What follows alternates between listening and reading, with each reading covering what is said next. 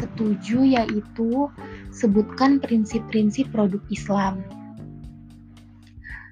Yaitu yang pertama ada prinsip tauhid.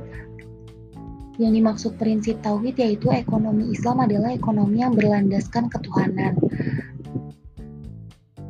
Prinsip yang kedua yaitu prinsip kemanusiaan. Prinsip kemanusiaan pertama adalah kewajiban manusia untuk menyembah Allah Subhanahu wa taala dan memakmurkan bumi manusia mempunyai kebutuhan spesifik, menjadi pengelola dan mengambil manfaat dari sumber daya ekonomi serta mampu merekayasa keadilan sosial bagi anggota masyarakat.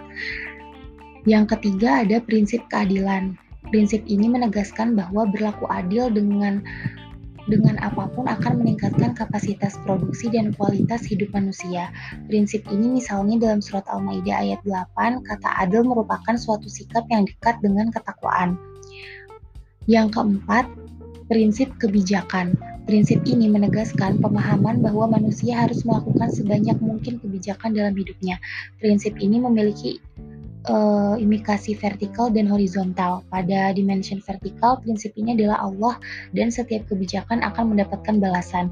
Sedangkan dimension horizontal, kebaikan yang dilakukan sesama manusia dan lingkungan alamnya. Yang terakhir yaitu prinsip kebebasan dan tanggung jawab.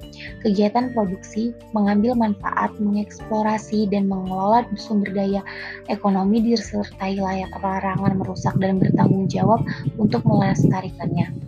Hal ini menandakan bahwa prinsip kebebasan dan tanggung jawab bermakna untuk menjadi manusia yang berkualitas.